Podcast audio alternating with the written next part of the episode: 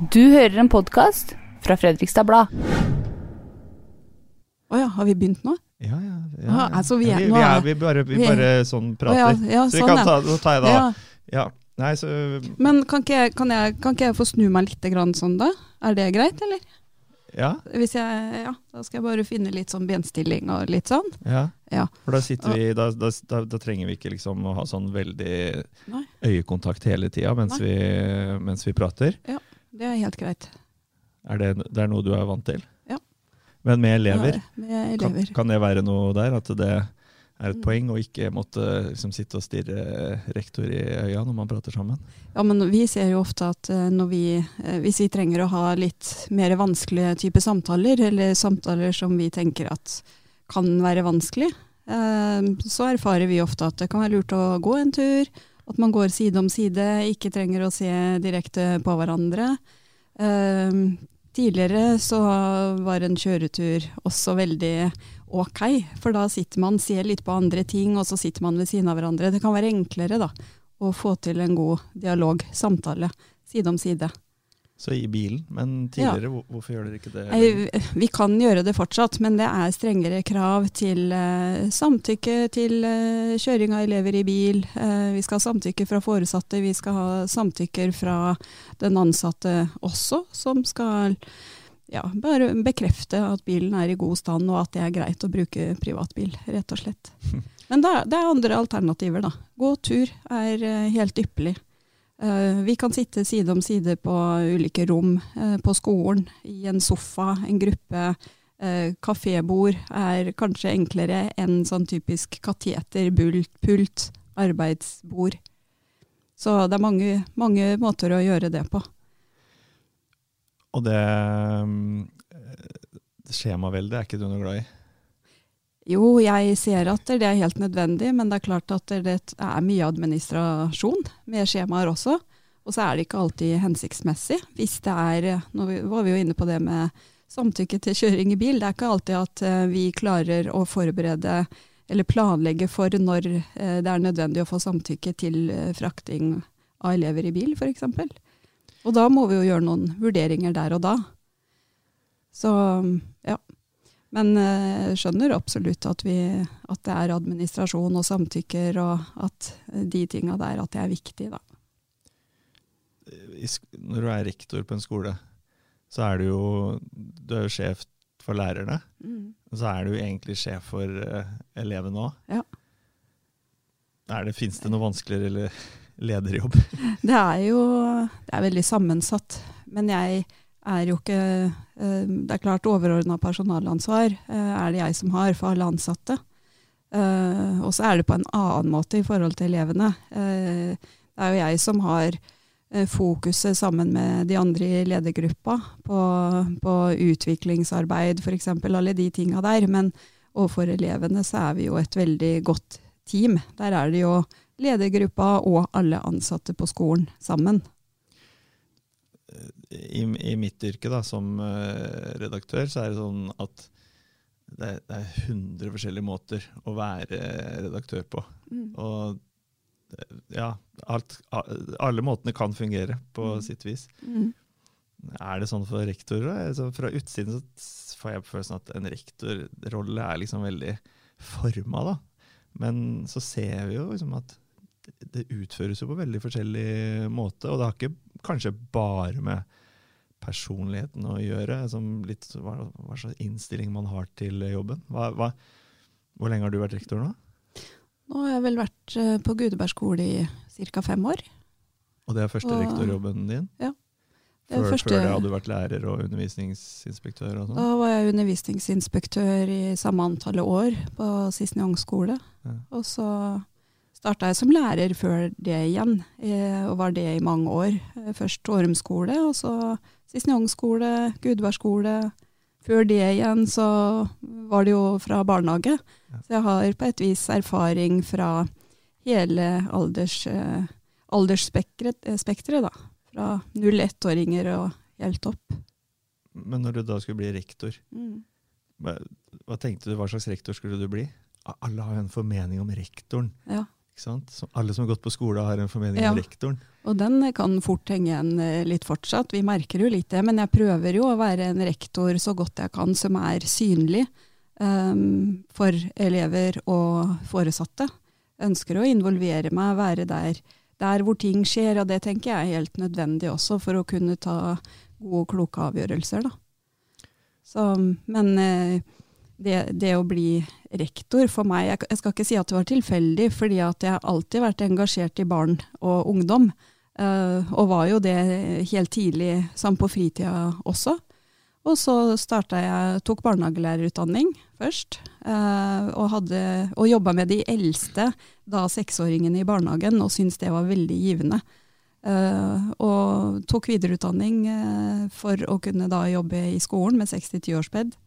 Um, og starta som lærer med de aller yngste, i første, førsteklassingene. Uh, og så har jeg hele veien hatt veldig tillit eh, i de som er min ledergruppe da på skolen, eh, og også kolleger. eh, gjennom det å være tillitsvalgt, være engasjert. Jeg har jo alltid vært engasjert, og det er liksom noe med hvis man har en stemme og man ønsker å ytre noe, mene noe, så må man ta ansvar for det òg, da. Eh, Jeg har ikke lyst til å være en person som skal klage, syte i kulissene uten å ta ansvar.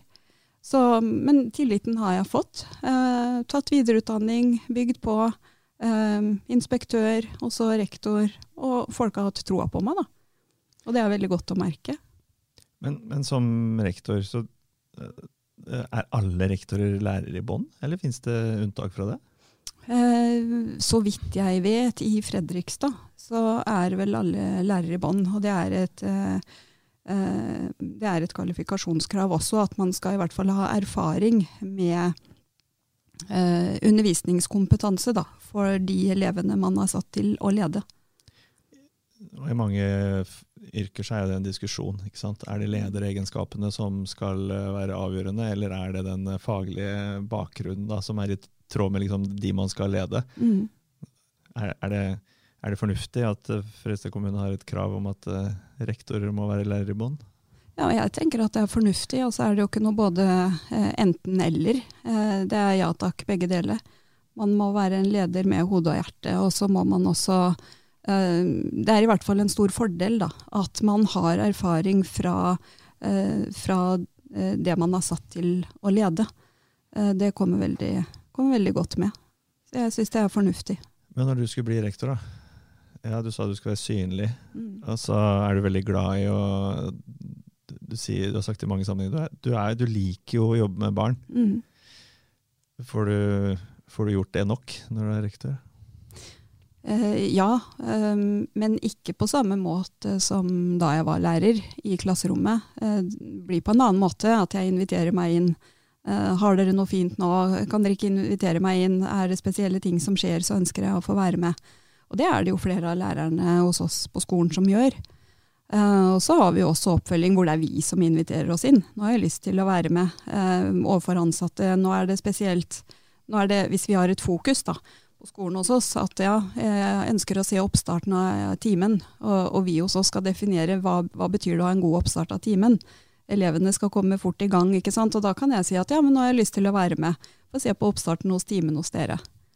Eh, og da blir det forberedt på den måten at lærerne, eller ansatte, for vi har jo flere yrkesgrupper enn lærerne også, ansatte forbereder elevene på at ja, men nå kommer rektor og skal se litt hvordan vi har det hos oss. Ønsker at det skal være så naturlig som mulig. Har du noe filosofi når det gjelder liksom det å behandle elever og barn som du snakker med lærerne dine om?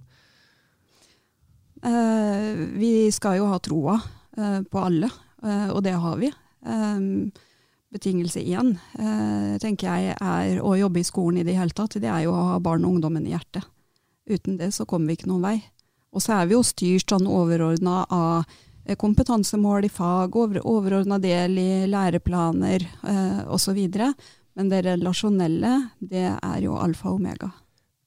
Ja, og det er jo ikke sånn at når du blir lærer Det er jo ikke alle som har det. Nei, det er ikke alle som har det. Så lærerutdanninga har har jo en kjempeviktig jobb der, men det er jo også vi grunnskolene, videregående skolene, som også er med på å utdanne nye lærere. Vi er jo praksisskoler, og på den måten en del av det som er lærerutdanninga, og da må vi veilede og gi gode nok tilbakemeldinger på det. Det holder ikke å være god i fag. Eh, når jeg ansetter, eller, og jeg har intervjuer med nye lærere jeg skal tilsette, så stoler jeg på at man har fagkompetansen. Men det er på en måte, det er bare en del av det. Og så må man jo uttrykke hvilke, hvilke tanker har man om læreryrket, ulike typer case, hvis du står i en sånn situasjon eller en sånn situasjon, hvordan vil du håndtere det? Og det der å komme bak eh, mennesket, eh, da, det, det, blir viktig. Så du bruker mye tid da, i intervjusammenheng på å stille skikkelig vanskelige spørsmål? Ja, eh, ikke nødvendigvis. Det er ikke sikkert at, den, at, man opplever det som vanskelige spørsmål, men eh, Hvis man passer ja. jobben, så går det bra? Ja, ja, jeg tenker det. Men det kan jo være intervjurunder både én og, og, to ganger, det. Men det er også innbiller jeg meg at uh, Tilbake til da, at uh, en rektorrolle er forskjellig, blir utøvd forskjellig avhengig av hvem det er som har den. Mm. Jeg kan godt forestille meg at det fins rektorer som sier at ja, du skal være knallgod faglig, og resten tilpasser seg. Eh, og legger mindre vekt på det de menneskelige egenskapene, det å ha barnet i hjertet, som du sier. da. Mm. Men det kjører du på. Det, hva har det gjort med ja, Hvordan er, er Gudeberg skole annerledes enn andre skoler i Fredrikstad? Eh, alle skolene har jo sine lokale tilpasninger. Eh, jeg kjenner ikke til noe som du sånn holdt jeg på å si, definerer til at noen rektorer kanskje legger mer vekt på det faglige. Der tror jeg at vi er ganske omforent. Hva er det som er viktig for Fredrikstad-skolen generelt, og ikke bare den enkelte skole, da. Men det er klart at vi, vi er jo ulike.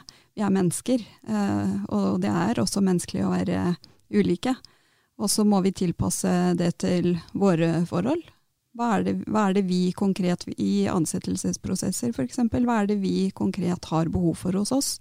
Og da er det jo først det faglige, og så er det jo ok, hvilke andre oppgaver utover det og kanskje ansvaret for ulike typer fag, opplæring i fag, hva annet er det vi har behov for hos oss her og nå?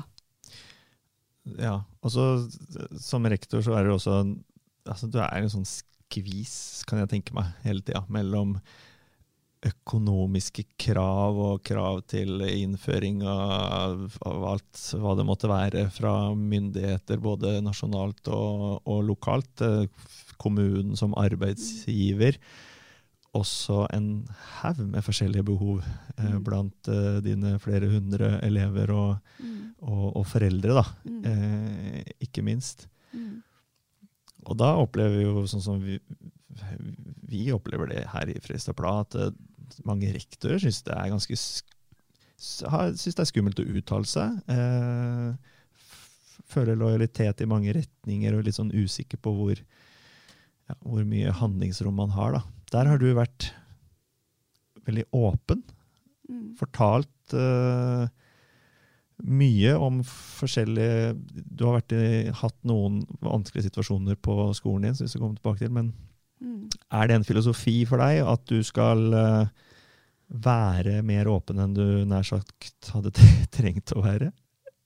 Nei, men jeg tenker at det er uh, nødvendig og riktig å være åpen på områder der hvor vi kan være åpne. Uh, og så gjør vi jo en vurdering av det Eh, også internt på skolen hos oss. Eh, og så er det ulike typer saker man kan være åpne i, da. Men, og det krever jo krever forarbeid eh, i form av kanskje innhente samtykker fra foresatte, fra elever, gjøre en vurdering er, er det til elevens beste, hvis det er elever det er snakk om, å være åpen nå, og hvilken hensikt eh, har det. Eh, så det er mange vurderinger rundt det. For å ta noen konkrete eh, eksempler. Da. Så under koronapandemien så var, så var du rektor på den skolen som kanskje var hardest eh, ramma. Kjempestore utbrudd. Um, og du fortalte veldig mye, mange detaljer uh, rundt det. Mm. Hva tenkte du når du valgte å gjøre det? Det var også en uh, vurdering uh, som ikke vi bare gjorde internt på skolen, men det var også i samarbeid med både kommunikasjonsavdelingen og uh, etatsnivå. og da tenkte vi at for vår skole nå, som var hardt ramma i starten av pandemien, så var det viktig å få ut informasjon på hva, hvordan er det vi jobber nå? hvilke vurderinger er det vi tar? Hva er det som er viktig å få fram? Um, og i noen sånne type saker så tenker jeg at det, det er positivt å være åpen. Um, ja. For det var jo, det, det var jo et uh, gjennomgående tema i, i pandemihåndteringa at det var uh, krevende å nå fram til informasjon til den ikke-etnisk norske befolkninga f.eks. Og, og det var jo en del av problemstillinga kanskje på skolen din òg. Mm. Det gjør det jo enda vanskeligere, for det er jo et mm. farvann som er fryktelig mm. vanskelig å, å trå i. da. Mm. Men ja, jeg kjenner jo til den utfordringa der, som du sier, å nå ut til alle. Men da, da er det jo om å gjøre å være tett på, da. Eh, og overfor dere i media, det er jo én ting. Men det å være åpne overfor foreldregruppa, være tett på, ta kontakt, ta en telefon, få hjelp av tolker til å oversette diverse infoskriv, det kom jo også på plass. Eh, sånn overordna infoskriv eh, i kommunen. Det ble veldig bra etter hvert. Ehm, men det å være, ja, være, tett på og også kunne si at det her opplever vi som utfordrende nå. Vi har en foreldregruppe på skolen hos oss som er eh, en kjempeengasjert foreldregruppe. Ehm, og der hvor vi er usikre, ta kontakt med FAU-leder, ha eh, SU-møte, samarbeids- og skolemiljøutvalgsmøter, få innspill fra både foresatte og elever som er tett på. Ehm, det samarbeidet der eh, er gull verdt for oss ikke noe, det er ikke alltid 9-4-jobb å være rektor? Nei, absolutt ikke. Nei, det er det ikke. Uh, så man må ha god arbeidskapasitet. Uh, og jobben er jo ikke, er ikke, ferdig når vi går hjem klokka fire. Jeg, jeg, kan uh, Jeg tror nesten at jeg kan jobbe i det uendelige, men man må sette noen grenser for seg sjøl, da. Um, så er vi nettopp ferdig med en runde med, med lærerstreik som handla ja, først og fremst om, om lønn. Mm. Og altså, jeg kan ikke forstå at det fins noen ledere i en kommune som har større ansvar for mindre penger enn det rektorer har. Mm. Så, så hva, hva, tenker du om det? Når skal rektorene streike? Nei, men jeg, tenker at vi er jo vi er profesjonelle på det, eh, på samme vis som det lærerne har vært. Og så må man jo Sånn i skolen, da. Så eh, jeg, det her var jo en streik nå som gikk på lønn, men det vi har en jobb med å gjøre, syns jeg, det er jo å synliggjøre den jobben vi gjør. Um, og, og, begrunne og hvilken jobb er det vi gjør på utsiden av det som folk flest kanskje ser. Da. Det, den tilstedeværelsen på skolen, det som er arbeidstida der, det er jo bare en liten del av, av hele jobben. Ja, det der har jeg tenkt mye på, fordi at jeg har hatt stort sett bare positive erfaringer med, med lærere i de nå eh, over 20 åra som jeg har hatt eh, barn på skole. Mm. Um, og det som impon har imponert meg så mye, er de som du, du, ser. De strekker seg så langt, de jobber så mye, er så tilgjengelige. Mm. Har så mye overskudd da, mm. til eh, elevene. Mm. Men som du sier, det, det, det, syns jo ikke. Det syns jo overfor um, noen foreldre som er interessert i å se det. Elevene tar det som en selvfølge, tror jeg. Mm. Og så tror jeg også at foreldrene der hvor vi er tett på, hvor det kanskje er litt sånn spesielle behov, tilpasninger, organisering, der får vi jo svært gode tilbakemeldinger, og som virkelig får et innblikk i helhet, eh, helhetlig arbeidet i, i skolen. da. Men eh, jeg tror nok at vi, vi har et stykke å gå eh, på, å, på å virkelig synliggjøre. Og så er det jo utrolig dyktige ansatte som er der ute i skolen, og som ønsker det beste. Og vi jobber med mennesker, og kommer jo tett på. Jeg nevnte jo det med utfordringer, og da vi gir ikke opp elever. Eh, da må vi, er det, er det utfordringer og det er behov for tilpasninger, så prøver vi jo å strekke oss langt for å få det til. Du nevnte det med økonomi, og det er klart at det, det er vanskelig, det. Vi har den ramma vi har, eh, men da må vi gå noen runder da, og se på hva, er det noe vi ikke har sett her? Er det noen løsninger? Er det noe vi må mm, se på en gang til. Eh, hva hvis vi gjorde sånn eller sånn? Ok, eh, da kan vi prøve ut det. Jeg syns jo at vi er veldig kreative. Og så kan man si det, det, man vil om den økonomiske situasjonen i Fredrikstad kommune nå, men det å bli tvunget til å kanskje gjøre noen nye grep da, eh, på bakgrunn av økonomi, det gjør jo at vi også får utfordra kreativiteten vår. Og gått noen runder i profesjonsfellesskapet og sett ja, ok, nå, da gjør vi det sånn. Det her får vi til. Ja, for det er noen ting det går an å spare inn litt uh, hos, uh, i skolen nå. Jeg syns det er vanskelig å spare, spare, inn. Jeg skulle veldig gjerne hatt uh, noen flere kroner, jeg også. Og gjerne flere ansatte, det er ikke tvil om det. Men uh, ut ifra den ramma vi har, da, så er det jo det som er utgangspunktet. For vi ser jo nå under den lærerstreiken, så er det jo dessverre sånn at lærere får ikke så innmari mye sympati. Mm. og sånn som jeg ser det, så handler det dessverre mye om at folk er fullstendig klar over det som da andre ser på som ferie, eh, men som dere som jobber i læreryrket er fullstendig klar over, er mm. Å ta igjen alt det ekstra dere har jobba eh, resten av året. Mm. Um, jeg tenkte noen gang, hadde det ikke vært si, bedre for alle om det bare hadde vært uh, litt mer sammenlignbart. Da. Kanskje ikke så lang ferie, hva vet jeg. Mm. uh, og heller liksom smørte litt mer utover litt mer normale arbeidstider i resten av året, og ikke så lang ferie. Tror du lærere hadde ønska det for å på en måte slippe å bli en sånn gruppe i samfunnet som blir sett på som litt sånn bortskjemte fordi de har litt andre betingelser på utsiden enn en andre? Jeg kjenner jo til det argumentet som du sier, eller det som ofte blir kommentert, at lærerne har lang ferie. Jeg husker da jeg starta som lærer sjøl, så var jo det ofte en sånn rød klut-kommentar som kunne komme gjerne i litt sånn festlige lag, og jeg kunne fyre meg opp skikkelig da. Jeg blir ikke sånn provosert av, det nå, på samme vis lenger nå, fordi at jeg kjenner jo til virkelig arbeidskapasiteten og hva som er av arbeidsoppgaver utover det som heter planfesta tid. Da. Det er den tiden som jeg rår over, hvor lærerne skal være til stede på skolen. Og det, uh, der har jo skolen også vært i enorm utvikling, hvor det er profesjonsfellesskap og det er en tilstedeværelse. Vi skal samarbeide uh, for det beste til elevene, og det, det gjør vi. Vi må løfte kollektivt. Men igjen tilbake til det som du sier med langferier, avspasering, sånn og sånn. Eh, det er også helt nødvendig at lærerne har sin eh, profesjonsfrihet, tid til å planlegge undervisninga, og det skal gjøres på en god måte.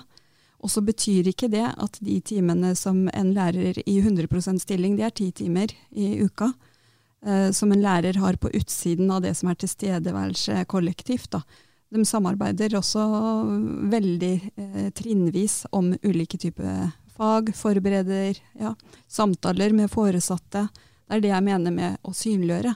Er vi, er vi gode nok til å synliggjøre den jobben som ligger der? Eh, kanskje ikke. Kanskje det er der vi må, må, starte. Ja, og når vi leser nå at uh, unge som studerer til å bli lærer, velger å hoppe av eller velger et annet yrke fordi at de også føler at det her er liksom de, mm. ja, de blir sett på som bortskjemte blant en del, og, mm. og, i tillegg så får de på en måte dårligere lønnsutvikling enn sammenlignbare grupper, da, ifølge lærerne selv. Mm. Er, er, er, det grunn til å være bekymra for uh, rekrutteringa og, og ja, nye lærere? Jeg, jeg er bekymra for rekrutteringa til læreryrket. Uh, for vi ser jo Uh, vi ser jo at rekrutteringa er dalende. Eh, det er færre som søker seg inn på lærerutdanninga, og det er bekymringsfullt. Og så kan det ha ulike årsaker, det. Lærerutdanninga har også endra seg eh, fra at man kunne undervise og være på alle trinn. Nå velger man jo i lærerutdanninga om man ønsker å være på én til syv eller fem til ti f.eks. Eh, så min bekymring er jo at ikke vi også får nok lærere som ønsker å være på de yngste trinna. Én eh, til fire, annet. Man går jo ut med en masterutdanning, sånn at bredden i, i fagkompetansen den er, ikke, den er, ikke, sånn som det var. Nå går man ut med en master. Um, men eh, ja, det er mitt personlige synspunkt på akkurat det. Så har vi tett oppfølging av nyutdanna lærere, nettopp med tanke på det du sier der, at vi ser at det er mange som får typiske praksissjokk. Og at man igjen, man kan faget sitt, men man har kanskje ikke vært godt nok forberedt på mangfoldet av oppgaver i yrket alle eksterne samarbeidsinstanser eh, som man samarbeider med, barnevernstjenesten, PP-tjenesten, BUP. Eh, man kommer tett på elever eh, og familier som er i sårbare situasjoner og som krever mye oppfølging. Og det, det skal man eh, som lærer klare å takle. Eh, og en lærer er jo ikke en behandler. Vi skal være gode omsorgspersoner og, vi, og virkelig være på å støtte elevene i hverdagen. Men når det kommer til psykisk uhelse f.eks., så er det jo nødvendig det tette samarbeidet som vi har med andre instanser. Og så har vi også en fadderordning i Fredrikstad kommune som er veldig god. Um, og Hva går den ut på? Nei, Den går ut på at det er et veiledningsprogram eh, i Fredrikstad kommune for alle nyutdanna lærere eh, gjennom første og andre året, hvor man, er, eh, hvor man møtes, da, alle nyutdanna lærere på tvers av skoler, hvor man møtes og har et program som man går gjennom. Det kan være foreldremøte. Eh, noen syns at det kan være krevende å stå foran en foreldregruppe. Hvilke spørsmål kommer? Det kan være den gode veiledningssamtalen. Det kan være utviklingssamtalen. Det er alle sånne ulike typer temaer i skolen som er satt i et system. Og det, det får jo vi i Fredrikstad kommune veldig god tilbakemelding på. Og I tillegg så har man definerte eh, veiledere på de ulike skolene som spesielt har i oppgave å, å ta imot og ha faste veiledningssamtaler med veiledningsgrunnlag, temaer, eh, være en god støtte gjennom de første, spesielt de første to yrkesåra. Du nevnte foreldremøte, og det, det traff meg litt nå, for jeg var på foreldremøte her på, på tirsdag. Mm. Um, sikkert nummer 50 i rekken eller noe sånt. Ja.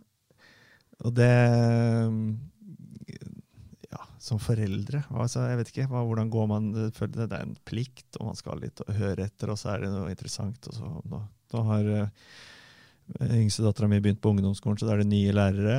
Uh, og så se, så er det en 29 år gammel lærer da, ikke sant. Jeg tenker sånn, Står der og foran en foreldregruppe hvor halvparten sitter med armene i kors og ser på klokka og lurer på om det blir ferdig på den timen som er satt opp. Mm. Det, det, er jo Det er ikke lett. Det er ikke lett. Og så håper jeg at vi etter hvert nå i skolen klarer å bevege oss litt bort fra den beskrivelsen som du eh, som du har der, da. Nemlig at man som forelder uh, kommer i foreldremøte og sitter litt, tar imot. Det er mye informasjon fra lærerne. og det, Sånn har det tradisjonelt uh, vært. Det er vi jo klar over. Men vi, vi prøver jo å snu den trenden der òg, til at det skal være et felles foreldremøte. Felles storsamarbeidsmøte mellom foresatte og skole. Vi har også hatt fellesmøter hvor elever, foresatte og skolen har vært sammen. Det har vært veldig spennende. Uh, sånn som nå, hvor ja, Hva blir annerledes da? Nei, Annerledes det er jo uh, aktiviteten, eller delaktigheten i at det her er vårt møte sammen. Og så har skolen selvfølgelig noe info. Det er nødvendig å informere om enkeltsaker. Men eh, det er jo ikke sånn at skolen er ansvarlig for opplæringa. Men vi er jo helt avhengig av foreldrene for å få det til på en best mulig måte, og elevene.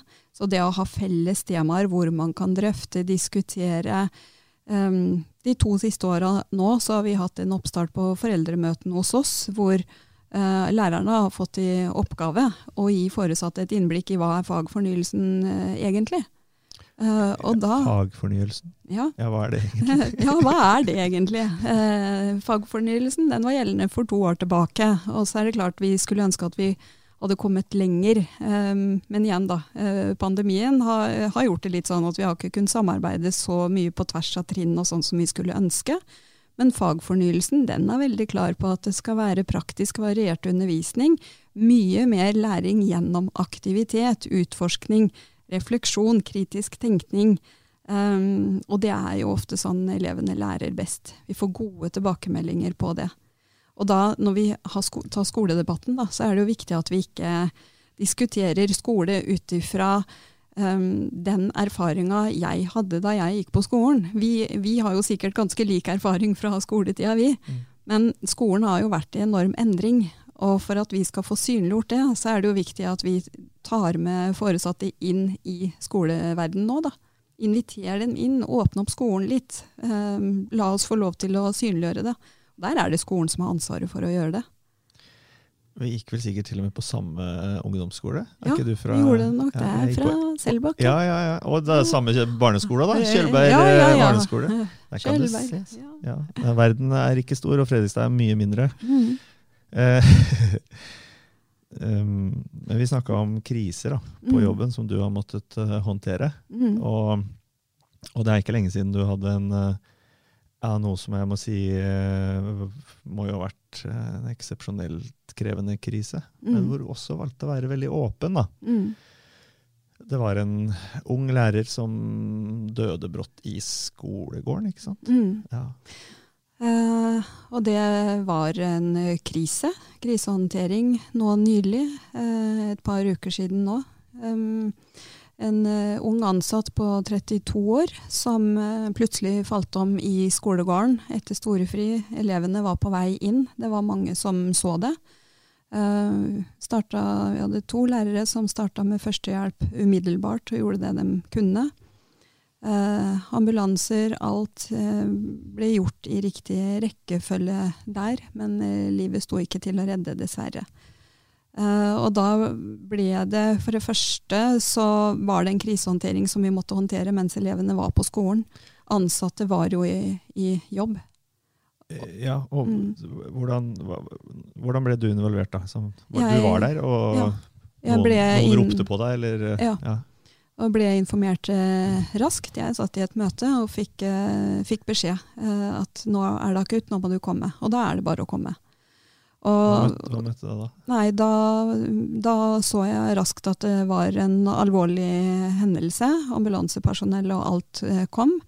Eh, Jeg gjør det som er min oppgave, å- å kontakte, informere så raskt jeg kunne med etatssjefen eh, min. da. Eh, og der må jeg si at jeg er utrolig imponert over rutinene i Fredrikstad kommune, som uh, i det jeg ringer til min etatssjef Marit Mundal og informerer, så er hun allerede varsla av kriseteam i Fredrikstad kommune, som igjen er blitt varsla av AMK-sentralen. Så- Og det gikk eh, raskt. Um, og da hadde AMK-sentralen varsla eh, kriseteam i Fredrikstad, og de var også på plass eh, raskt. Og bisto meg igjen også. Ja. Mm. Hvordan, hva gjorde dere med elevene? Eh, vi fikk samla oss. Vi delte, helt konkret så delte vi personalet i to puljer. Eh, fikk informert den første pulja, og så gikk første pulje på personalrommet. Første pulje gikk ut, eh, ivaretok elevene. Det, her, eh, det var jo mange elever som også så det. Redningshelikopter kom. Eh, og der og da så var det jo bare å være sammen, rett og slett. Snakke om hva er det vi, er det vi opplever nå. Eh, og så var det ulik, ulikt hvordan elevene tok det. Men, og det var jo noen elever som var på områder i bygget hvor det ikke var synlig også. Så nei, men som sagt, vi delte i to puljer. Fikk informert. Det her er hva vi vet så langt. Eh, vi tar en ny oppdatering. Vi møtes igjen om en halvtime. Og sånn gjorde vi det ut den dagen, rett og slett. Hvor lang tid tok det før dere måtte fortelle foreldrene eller elevene at, eh, at han ikke overlevde, eller var det klart helt Nei, det var ikke klart til å begynne med, men eh, jeg valgte i samarbeid med kriseteamet å sende ut eh, en første Vigilo-melding med informasjon om at ja, vi har en eh, situasjon, akutt situasjon på skolen hos oss nå, vi vet ikke hvordan det går. Eh, vi har ambulansepersonell på plass, og vi har redningshelikopter på plass. Alle elevene er ivaretatt, og det ble viktig for oss. For det er klart at eh, vi eh, fikk jo telefoner fra også foresatte som lurte på Jeg ser eh, sånn og sånn i Fredrikstad Blad at det er redningshelikopter. Står det bra til med mitt barn? Så den første infoen der, den var det viktig å få ut. Um, og så um, jobba man jo lenge. Eh, det var uavklart eh, hvilken vei det her ville gå, og hvordan det kom til å gå. Så vi holdt personalet informert underveis. Um, og så, når vi da fikk beskjed fra den som var overordna ansvarlig fra, fra ambulansepersonell, så valgte vi da å sende ut en ny Vigilo-melding, for da var det husker ikke akkurat nå tidspunkt, men det var før alle elever var det blitt henta. Det var jo i overgangen skoledagsslutt. Noen elever var på SFO. Og da valgte vi å være helt åpne om at det da var den ansatte som døde. ta vare på barna. Mange av dem har nok opplevd og sett at det har vært ambulanse, redningspersonale på, på Gudeberg. Så um, da ble det viktig. Men igjen, da. Jeg kunne ikke ha valgt Jeg kunne ikke ha vært såpass åpen rundt det hvis jeg ikke parallelt hadde hatt en god dialog med nærmeste pårørende.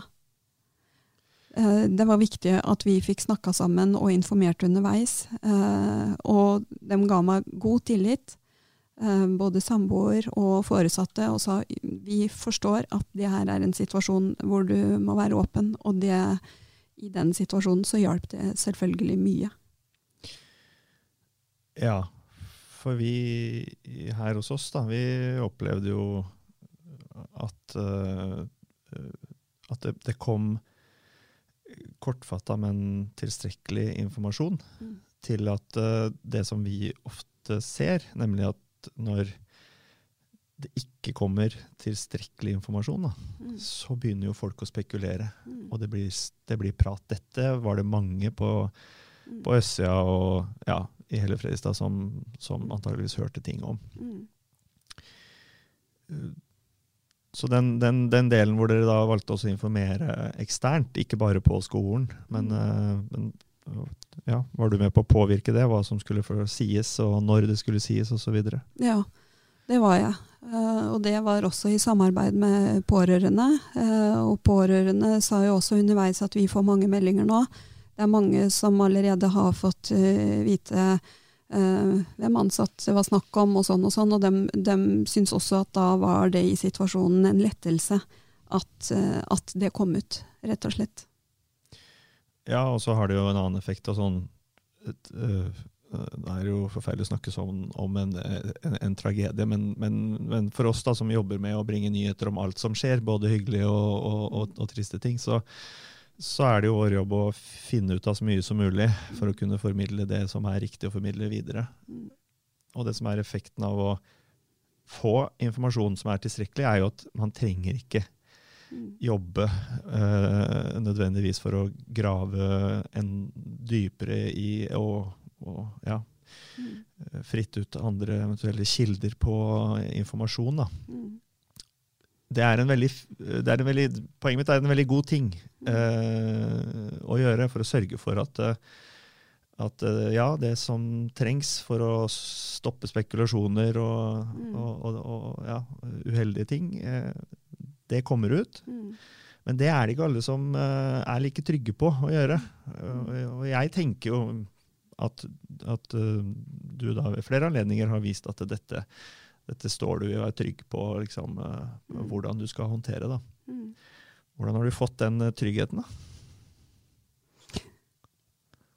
Tja, nei. Det er et vanskelig spørsmål. Eh, nei, jeg tenker at uh, Er det erfaring, bare? Er det ja, livet? Det er, ja, erfaring, livet. Hva er det som er viktig? å ha den drøftinga, refleksjonen med for det første de andre i lederteamet i forkant, så det er jo ofte ikke en avgjørelse jeg tar alene. Men hva er det som er, hvilken informasjon er det viktig å få ut? Eh, hvorfor er det lurt? Hva er det som eventuelt gjør at eh, nå bør vi ikke gi ut informasjon? Så det er jo de vurderingene der. Men jeg tenker, uh, uavhengig av type krisehendelser, da, for du nevnte jo korona også i stad, så er jo skolen um, det er offentlig eh, på mange vis. Eh, og jeg syns det er viktig å synliggjøre det som, det som skjer i, i skolen. Eh, og så vet jeg det kan være ulike typer saker hvor det kan være vanskeligere å være åpen. Eh, vi har jo andre saker, typiske mobbesaker, som innimellom blir eh, publisert i media, men hvor det kan være vanskelig for skolen å være åpen andre veien igjen, eh, hvor vi er mer låst i forhold til samtykke. Og så har vi også noen tilfeller hvor vi har fått samtykke fra foresatte. Men da sitter jo jeg med en, eh, hele historikken rundt, eh, og vet hvilke andre elever som eventuelt kan være involvert, foresatte der som ikke gir samtykke, men hvor det kan bli synlig at det er den eller den det er snakk om. Da. Så det er mange vurderinger. Um, men der hvor vi kan være åpne, der tenker jeg at det er lurt å være åpne. Eh, vi har mye å vinne på det. Ja, og det er ikke alle i din rolle som, eh, som, som har den tilnærminga. Det, det er, eh, har jeg en del erfaring med, med, med selv. Mm. Og, og, det kan være forståelig, det. Det er vanskelig. Mm. Fordi at det er så mange hensyn å ta. Mm. Men du, du, har sagt i et uh, tidligere intervju med Fredrikstad at du er, du er, fascinert av barns sånn direkte og ærlige væremåte. Uh, er det fordi det ligner på din uh, væremåte? Nei, eh, ikke nødvendigvis. Det er fordi at barn er direkte og ærlige. Men hva, hva, er det du liker med det? Nei, jeg liker den, der, eh, den eh, gode kommunikasjonen med, med barn, rett og slett. og den derre troa på at ja, men man får det til. det er ingen, det er ingen oppgaver som er for store, eller man må bare vise tillit og ha troa på at de aller yngste også mestrer og får til. Man må bare gi dem mulighetene til det, da.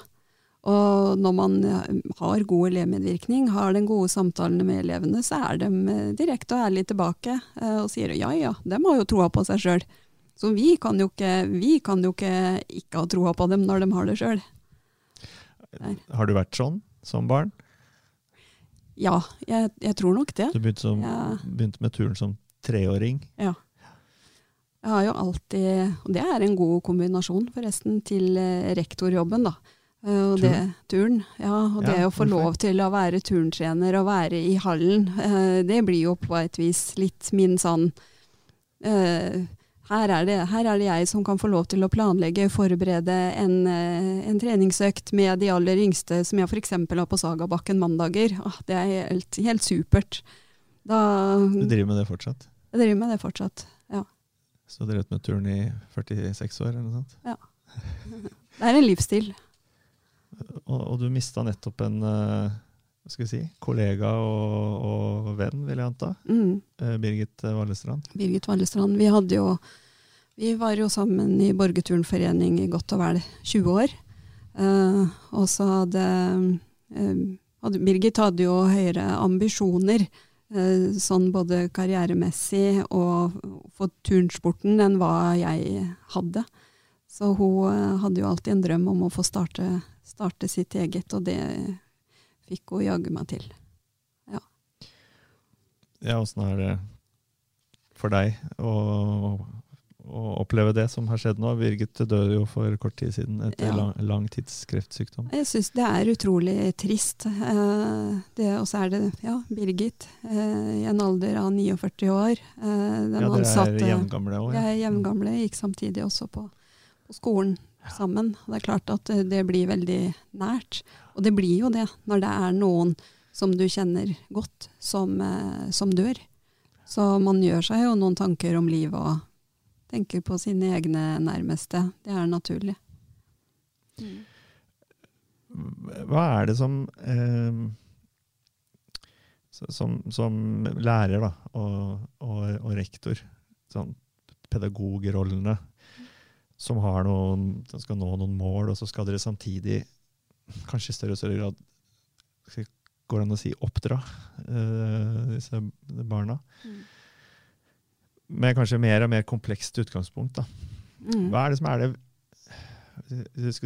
Går det an å si én ting som er det vanskeligste for, en, for hun på 29 år som hadde det foreldremøtet jeg var på på tirsdag? Mm. Hva tror du hun uh, syns er vanskeligst, eller hva er typisk vanskelig for en uh, ung lærer i dag?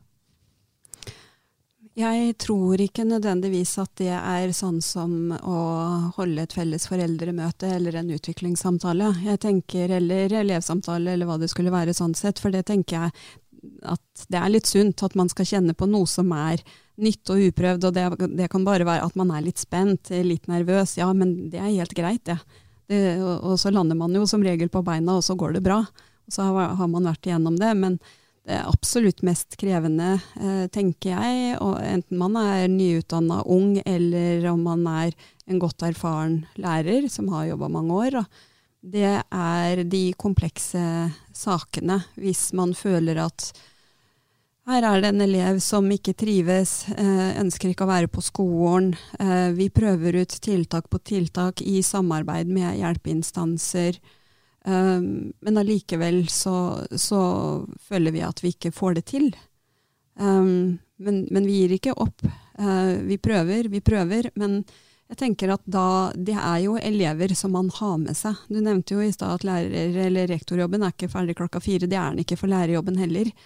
Uh, jeg tenker at det er det mest krevende, fordi at uh, det tar deg så veldig i tanken og hodet. Den, den eleven eh, eventuelt følger deg jo hele tiden.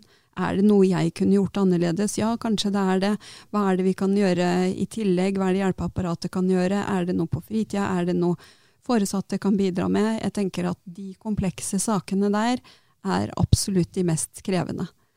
Og så har vi jo eh, opplæringsloven nå 9a, som er veldig eh, klar og tydelig på at alle elever skal ha et trygt og godt eh, skolemiljø. Um, og det da å ikke føle at vi uh, svarer til forventningene, eller at en elev sier at ja, men akkurat nå så opplever jeg jo ikke ha det, da. Uh, det er i hvert fall de sakene som, som tar meg mest, og som berører meg mest. Ja, og det å skape et trygt og godt uh, læremiljø mm. Før så var jo det kanskje mer oversiktlig, mm. eller læringsmiljø. Mm. Fordi da da så jo og hørte lærerne veldig mye av det som eventuelt mm. skapte det motsatte. Da. Mens mm. nå foregår jo det kanskje på mobilen utafor skoletida. Eh, innvirker på skolen. Mm. Eh, det gjør det jo bare mer komplisert. Ja, det gjør det mer komplisert. Og så uavhengig av om det er episoder på eh, fritida, en uh, ubehagelig kommentar som har kommet på nett, så er det skolens ansvar å ta tak i det. Uh, og prøve å ordne opp og iverksette tiltak. Og det, det tar For det første så er det enormt tidkrevende. Det er ganske mange vi skal ha samtaler med for å i første omgang, hvis det er snakk om en mobbe mobbesak, eller at det er en konflikt. Da. Det er gjerne konflikt i første omgang. Eh, og det å nøste i sånne type saker, det, det kan ta en hel dag. Eh, og det er gjerne flere involvert. Informere foresatte igjen, og være på hvilke tiltak, hva kan vi bli enige om her. Ja, det er Jeg vil si at jeg syns det er de mest krevende sakene. Eh, eh og der har vi jo hjertet med oss igjen, da. Vi liker jo ikke at noen ikke trives, at noen ikke har det bra. Det liker vi ikke uh, når det gjelder elevene. Det er ikke noe ok når det gjelder ansatte. Um, det, det, er jo det er litt sammenlignbart. Ansatte skal også ha et godt arbeidsmiljø. Og da må vi ha tiltak for det, samtidig som man er ansvarlig selv for å uh, bidra til et godt arbeidsmiljø. Det samme er det for elevene. Man har noen plikter som elev også, og det er jo å bidra til at andre medelever har det bra. På de fleste arbeidsplasser så, jo, så hender det at det kan skje en eller annen konflikt mm. innimellom. Det kan gå år mellom hver gang. Mm. På skolen så er vel dette nesten på en så stor skole som du er. Er det, er det sånne pågående saker hele tida som dere jobber med i prinsippet? Uh, elevsaker. Ja, eller altså alt fra ja, det, mobbing til elever som bare har det vanskelig, eller som uh, Ja. Ja, det er det. Det er en del av Det er altså, en del av det. Det er ikke unntak, det er rett og slett en del av Ja, det er, det er en del av hverdagen. Har det blitt mer? Ja, det har blitt mer. Eh, og så tenker jo jeg også at det, er, det kan være ulike årsaker til at det har blitt mer. Du nevnte jo det med fritida, det er mye de tar med seg der. Eh, spill, gaming, eh, sosiale medier hvor man skriver ting som er vanskelig å møte ansikt til ansikt dagen etter. Eh, også har også ansatte i skolen blitt eh, kursa i hvordan er det vi best kan være tett på, hvordan er det vi inkluderer. Så jeg tror vel også at vi er flinkere til å oppdage, da. Og, og igjen også ut i, til felles foreldremøter, og alle har en plikt til å melde fra. Uh, hvis man tror, uh, opplever, oppdager at det er noen som ikke har det bra på skolen, og da er det lav terskel for å opprette aktivitetsplaner. Um, og så vet jeg også for Gudberg skole hadde jo et tilsyn uh, hos oss nå for et par år siden, um, som gikk på det med paragraf 9a og elevenes rett til å ha et trygt og godt skolemiljø. Um, og det var mye snakk rundt det, og da, da husker jeg at det var en av politikerne som syntes at det var litt hårreisende at Gudberg skole hadde mange aktivitetsplaner. Jeg tenker jo ikke sånn, jeg tenker det motsatte. Det er bra, det. Det er et godt tegn på at vi er tett på. Og heller opprette en aktivitetsplan basert på en konflikt, og det må ikke være en mobbehistorikk, men det betyr at vi tar det på alvor, og så kan vi heller avslutte når konflikten er løst. Så mm, det med aktivitetsplaner, eh, tipp topp. Heller flere aktivitetsplaner som viser at vi jobber eh, godt i det, enn at det er for få. Og, og, saker som vi ikke oppdager. Det er rett og slett en plan på hva dere skal gjøre i en ja. spesifikk sak ja, ja. underveis? Det er et verktøy som, eh, som, ansatte på skolen og elevene og foresatte utarbeider sammen. Men når dere jobb, øh, jobber med, med, sånne saker, da, så er det jo, som du sa, ofte andre øh, også faggrupper involvert. Da. Det kan mm. være barnevern, og det kan være mm. barne- og ungdomspsykiatri osv. Mm. Er det Fungerer det bra nok? Uh, ja, uh, jeg syns at samarbeidet mot de enkeltvise instansene fungerer godt. Men i Fredrikstad så savner jeg et team som kan uh, være et type tiltaksteam som kan bistå skolen i å koordinere. For den, det koordineringsarbeidet, det krever, det krever mye tid. Og ikke at et type tiltaksteam nødvendigvis skal rykke inn, er kanskje feil begrep, da, men, men bistå eh, helt i startfasen. For det er helt riktig at skolene vi skal prøve ut ulike tiltak i samarbeid eh, og i det hele. Men når vi har prøvd ut ulike tiltak og vi ser at nei, nå har vi behov for noe mer, så savner jeg et tiltaksteam som kan komme inn, som består av kanskje barnevernstjenesten. De har ulike tiltak, kanskje det er nødvendig å sette inn noe i hjemmet. Um, PP-tjenesten er jo med Fredrikstadhjelpa 0 til 16, hvor det er eh, mer det sammensatte teamet som da kommer. Hva kan vi gjøre nå? Jeg føler at den eh, eh, avstand da, eh, fra skole eller den tiltakstrappa, den er kanskje litt for lang. Og så vet jeg at man i Fredrikstad nå ser på en mulig omorganisering eh, på bakgrunn av at vi vi har, eh, Rektorgruppa har jo ytra et ønske om det, og har klart meldt ifra om at det er et savn, og noe som vi eh, mener at kunne vært til god hjelp ute på skolen.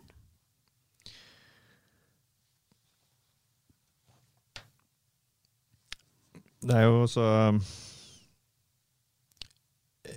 Noe som er uh, muligens uh, tiltagende problem både i skolen og ellers i samfunnet, er jo etter meg måten vi snakker til hverandre på. Mm.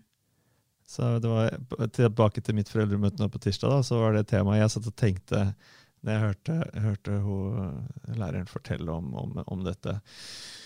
Med, med, med, at de er opptatt av at elevene skal, skal snakke til hverandre på en ordentlig måte. Uh, tåle å være uenige og kunne argumentere saklig og sånn. Så tenkte jeg at dette er da til 12-13-åringer. Og så, så, så, sitter jeg og følger med på kommentarfeltet i Fredrikstad Blad og prøver å få det til å fungere best mulig. Og det er akkurat samme problemstillinga. Mm. Kan dere ikke bare snakke til hverandre på en ordentlig måte? Mm. Um, er, er, det en, en oppgave som, som skolen bruker nok ressurser på? Burde man jobbe liksom mer eller mindre med å lære ungene å snakke sammen på en bra måte? Være uenige på en bra måte? Vi har når vi opplever at ting er utfordrende, og vi kjenner igjen det med språkbruk og utfordringer rundt det hos oss på Gudberg, så Eh, så kan man jo fort tenke at, nei, at, vi ikke bruker nok ressurser på det. Men vi har virkelig fokus på det. og involverer også foreldregrupper i det med, med, hvordan er det vi snakker til og om med hverandre på. Og det gjelder jo ikke bare barn og ungdom, som du sier, det gjelder jo også voksne. Men det er verdt å Eh, og ha fokus på det. Eh, og hvilke plikter, hva er det det gjør med deg hvis jeg sier sånn? Eh, hva er det, uttrykker jeg godt nok hvis jeg får en kommentar til meg og sier stopp når du sier sånn, så opplever jeg det sånn. Det, det gjør noe med meg. Da trives jeg ikke, eller jeg blir usikker, eller hva er det som gjør at du sier det? Uh, og så ser jo vi med stygg språkbruk at det er ikke alltid at uh, barn og ungdommene vet hva det betyr heller. Um, så noen vi har snakka med, har jo, har jo, blitt litt skremt etterpå og blitt lei seg etterpå, når de er blitt gjort oppmerksomme på at det du sa nå, det betyr sånn og sånn. Hvis du, Hypotetisk problemstilling, da. Men hvis du hadde sett at en av dine lærere i en kommentar til en eller annen sak om strømpriser, f.eks., hadde skrevet at ja, hadde denne udugelige regjeringa som, uh, som sitter i, er i lomma på uh, eh, EU-pampene. Mm. Um, se å få kasta hele gjengen. Mm. Hadde, hadde, du gjort noe da? Overfor den læreren? Ja, vi har jo Vi stopper, vi, og, og korrigerer hverandre. Uh, og har ulike typer case uh, i tema på felles utviklingstid. Ikke akkurat det som du sa der, da, men det kan være andre områder.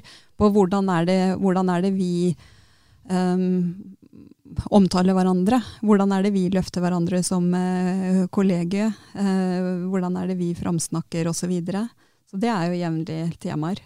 Og tilbake igjen, hvis, hvis, jeg tar det over til elevene, da, det som er 9A, der er det jo også en nulltoleranse for uh, sånne type ord, ytringer, og da er det, da er det stopp. Det, det er ikke greit jeg, jeg, nevnte jo at jeg har en uh, datter som nettopp har begynt på ungdomsskolen, og da er det, blir litt sånn strengere med fravær. da. Vi, har, vi, er, vi er, så heldige å ha en uh, hytte på fjellet, så det har hendt at vi har for gårde litt Hvis vi har kunnet, da, draggårde litt tidlig på fredag, så har vi bedt å fri noen timer for å gjøre det. Mm. Men nå føler vi at det er kanskje ikke helt greit. Er det Hva tenker du om uh, fravær? Jeg tenker at tilstedeværelse på skolen de 190 skoledagene som er, det er, det er, det er viktig uh, å ha tilstedeværelse. Um, tidligere så var det, eller ikke tidligere, for vi ser jo at vi også får noen søknader inn på det som går på uh, sydenferier, f.eks. Og jeg kan forstå at uh, man ønsker å reise utenom skolens ferier, fordi at da er det jo mye billigere. Men et eksempel, hvis en elev er på sydenferie to uker hvert år, så man, er man i løpet av grunnskolen og har gått glipp av et halvt års skolegang. Det er mye. Skole er viktig. Det er obligatorisk. Så det er innskjerpa veldig, det eh, med tilstedeværelse på, på skolen. Hender det at mm. dere sier nei, eller? Ja, ja. Der gjør vi en faglig vurdering i hvert enkelt eh, tilfelle. Og hvis vi mener at det her er ikke faglig Eh, at ikke vi kan stå inne for det faglig sett, så er det avslag på søknad. Hvis man drar likevel, hva skjer da? Da er det, og det, det kan ikke vi forhindre, men uh, da har i hvert fall vi som skole gjort vår faglige vurdering på at vi ikke anbefaler det. Og så er det foresatte selv som uh, tar den avgjørelsen, da. Men vi, vi må bruke vår profesjonsfaglige vurdering på den vurderinga i hvert enkelt tilfelle. Skole er viktig. Opplæring er viktig. Okay. Og så er det jo det med, det med skolefravær da, i, uh, ja, på an, andre deler ikke av skolen. Ikke nødvendigvis det med antallet dager eller eh, ferier. Det har jo vært mye diskutert, det med skolefravær, ufrivillig skolefravær. Elever som ikke mestrer å komme på skole. Uh, og det er jo også ofte sammensatt. Jeg vet at dere i Fredrikstad Blad skal ha noen uh, artikler framover, eller ha fokus på det med skole. Um, og det er jo også sammensatt. Um, jeg tenker at det med Når det er begrepet skolefravær, så blir det så veldig knytta til at det er fravær på skolen, men ofte så har jo de elevene det gjelder, fravær på andre samfunnsarenaer også. Og igjen tilbake til et type sånn tiltaksteam da, som kunne ha bistått skolen. Eh, som også kunne ha bistått, bistått på andre arenaer, også på fritid. også på ja, For det, er, det er, kan være ungdom eh, spesielt som kanskje har for mye fravær i samfunnet, og det ja, er ikke du, bra. ikke sant, Hvis jeg forstår rett, så tenker jeg på at noen ganger så oppfatter ikke dere på skolen at det er et grunnleggende problem. Dere oppfatter bare at det er et fravær, og at, uh, at, at, dere trenger en hjelp til å forstå at her er det kanskje uh, andre ting som Eller at her bør man kanskje snakke nærmere om hva som er, ligger bak fraværet. Ja, eh, eller det vil si at jeg syns ofte den debatten med skolefravær eller ufrivillig skolefravær, den blir så um, basert på at det er i skole fraværet er, og at det kan skyldes uh, forhold kun knytta til skole. Skjønner. Ja. Mens utfordringa det er mer sammensatt, fordi elevene har ofte fravær også på andre arenaer enn skole. Men det er på skolen det blir synlig? Fordi dere har et system for å følge det opp, eller ja. føre det? Ja. ja, og fange det opp. Som uh, Ja, alle har jo behov for å høre til. Alle må høre til eh, og ha behov for det. Og det, det gjelder jo ikke bare sånn knytta til skole, men det gjelder på andre arenaer også. da. Ja, vi har snakka en del om uh, om foreldrenes rolle, i, som jo er, også er helt sentral. at eh, som, altså som, som, rektor så har du ikke bare ansvar for eh, dine egne ansatte og masse elever, men eh, enda flere foreldre i mm. tillegg, mm. som du i hvert fall må ha en god dialog med, prøve å ha en god dialog med. Eh, hvordan opplever du at det har eh, Hvordan fungerer det med, med foreldrekontakt? Det fungerer veldig, veldig godt eh, hos oss. Vi, jeg eh, har bare god erfaring med det. Eh, også samarbeid via FAU, trinnkontakter, eh, samarbeidsutvalg, skolemiljøutvalg. Eh, ja, det opplever jeg fungerer eh, veldig godt. Hos oss har vi bare ett konkret eksempel. Da, så har vi prøvd nå hos oss å tydeliggjøre forskjellen på ja, turer er jo gjerne noe som eh, foresatte er litt opptatt av, og elevene er opptatt av. Og der har det jo kanskje vært en endring i skolen, da. Så hos oss har vi nå synliggjort hva er det som ligger til grunn for eh, turer eh, i skolens eh, regi, og hva er det som ligger til grunn eh, når det er foresatte som skal arrangere. Hvordan er det der? For jeg må innrømme at jeg, jeg tror aldri jeg helt har forstått det. På et eller annet tidspunkt så ble det sånn at ja, man, man, kunne ikke, man, kunne ikke, samle inn penger til tur, og, øh, og, skolen kunne ikke lenger ha ansvar for tur. Altså, kan du, går det an å enkelt forklare hvordan det der egentlig henger sammen? da? Ja, Vi har øh, noe som heter gratisprinsipp i skolen. Øh, og Det betyr at alt av type skoleaktiviteter, enten det er aktiviteter på skolen eller utafor skolen, det skal være gratis. Uh, og det er, en, det er, en, ganske enkel regel å forholde seg til. Altså gratis for elevene og foreldrene, da. Ja. Man skal ikke behøve å betale noe for det? Nei, man skal ikke betale noe for det. Tidligere så, så vet jeg jo om foreldregrupper som f.eks. sparte opp til at elevene kunne dra på leirskole og dekka bussen, sånne her ting. Det er det slutt på. Skolen dekker eh, leirskole, det er ikke noe kostnader på sånne ting.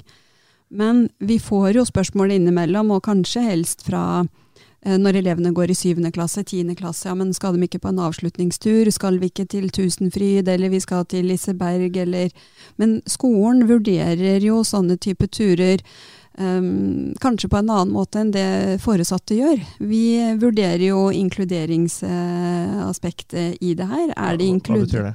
Nei, er det inkluderende for alle elever å dra til Liseberg? Vi, vi, vurderer at nei, det er ikke inkluderende. Hva er det som skjer når vi kommer til Liseberg? Jo, det er at man går i puljevis, kanskje to, tre, fire.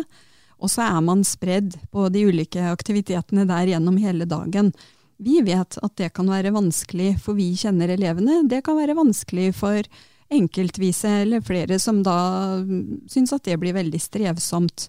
Så vurderer vi også den faglige delen i en sånn type tur. Eh, er det faglig? Eh, har elevene faglig utbytte av å dra til Liseberg? Nei, det syns ikke. Men elevene kan synes at det er gøy å dra til Liseberg. Men en sånn type tur kan jo være en tur hvor som foresatte kan arrangere. Det er jo ikke gitt at det er skolen som må arrangere det. Men da kan det ikke være skoletida, da, eller hvordan blir det? Uh, vi hos oss har sagt at det er greit som en avslutningstur i um, syvende trinn og tiende trinn etter eksamen. Men da er det jo også i forhold til hvis det er skolen som skal være med på det, så gir vi samtykke til det. Og vi har et eh, skoleopplegg for de elevene som av en eller annen grunn ikke ønsker å være med. Um, og så må jo vi også ta utgangspunkt i det som er lærernes eller ansattes uh, arbeidstid. Det er ikke gitt at en, eh, en, lærer syns at det er greit å jobbe fra halv ni og kanskje komme hjem klokka elleve på kvelden. Så vi, vi, må vurdere helheten i det, da. Så det høres ut som det er, ja, det er et regelverk i bånn, og så er det regelverket litt sånn åpent for at det går an å finne løsninger, og man kan samarbeide om noe som blir bra. da. Så det krever et godt samarbeid da mellom ja. foreldre og, og, og, skolen. Ja, mm. absolutt. Og det samarbeidet, det, det opplever jeg at, vi har. Det er litt prisgitt hvem som sitter i utvalget, er det ikke det? Jeg har, men jeg har bare god erfaring med det. Um, og at, uh, ja, at man er ulike i det utvalget, er jo bare positivt. Men vi har jo, det som jeg sier nå, det er jo ikke det at vi er imot eh, turer. Men det er litt viktig å se på hva slags type turer. Kanskje som en avslutningstur i syvende eller tiende, så er det mer inkluderende å ha en overnatting i telt. Ikke koster det mye heller. Det kan være gratis. Og litt enklere å finne mulighet for faglig utbytte enn når du skal tilbringe en dag på Liseberg. Absolutt. Du lærer kanskje i, beste, i beste fall å finne ut av hvor høyt er egentlig 160 cm, f.eks. Mm, absolutt. uh, Kirsten Semb, uh, tusen takk for uh, praten. Åssen syns du det gikk? Bare hyggelig. Ja, jeg syns jo det er stas å få snakke om, eh, om skole, opplæring. Det engasjerer meg jo. Ja, og tanken min er at her skal det være mulig å Vi er jo så hardt redigert alle, på alle flater. Du har sikkert opplevd at du blir intervjua, så det som kommer ut, er liksom en brøkdel av det du vil si. Og kanskje det du har mest lyst til å si, det kommer ikke med en gang. Så da, da er tanken at her skal, du, her skal vi ha uh, uredigert uh, En relativt uredigert uh, samtale. Vi har surra mm. litt på veien, jeg må si det. Mm. Som, eller jeg har surra litt på veien, så det skal jeg klippe bort.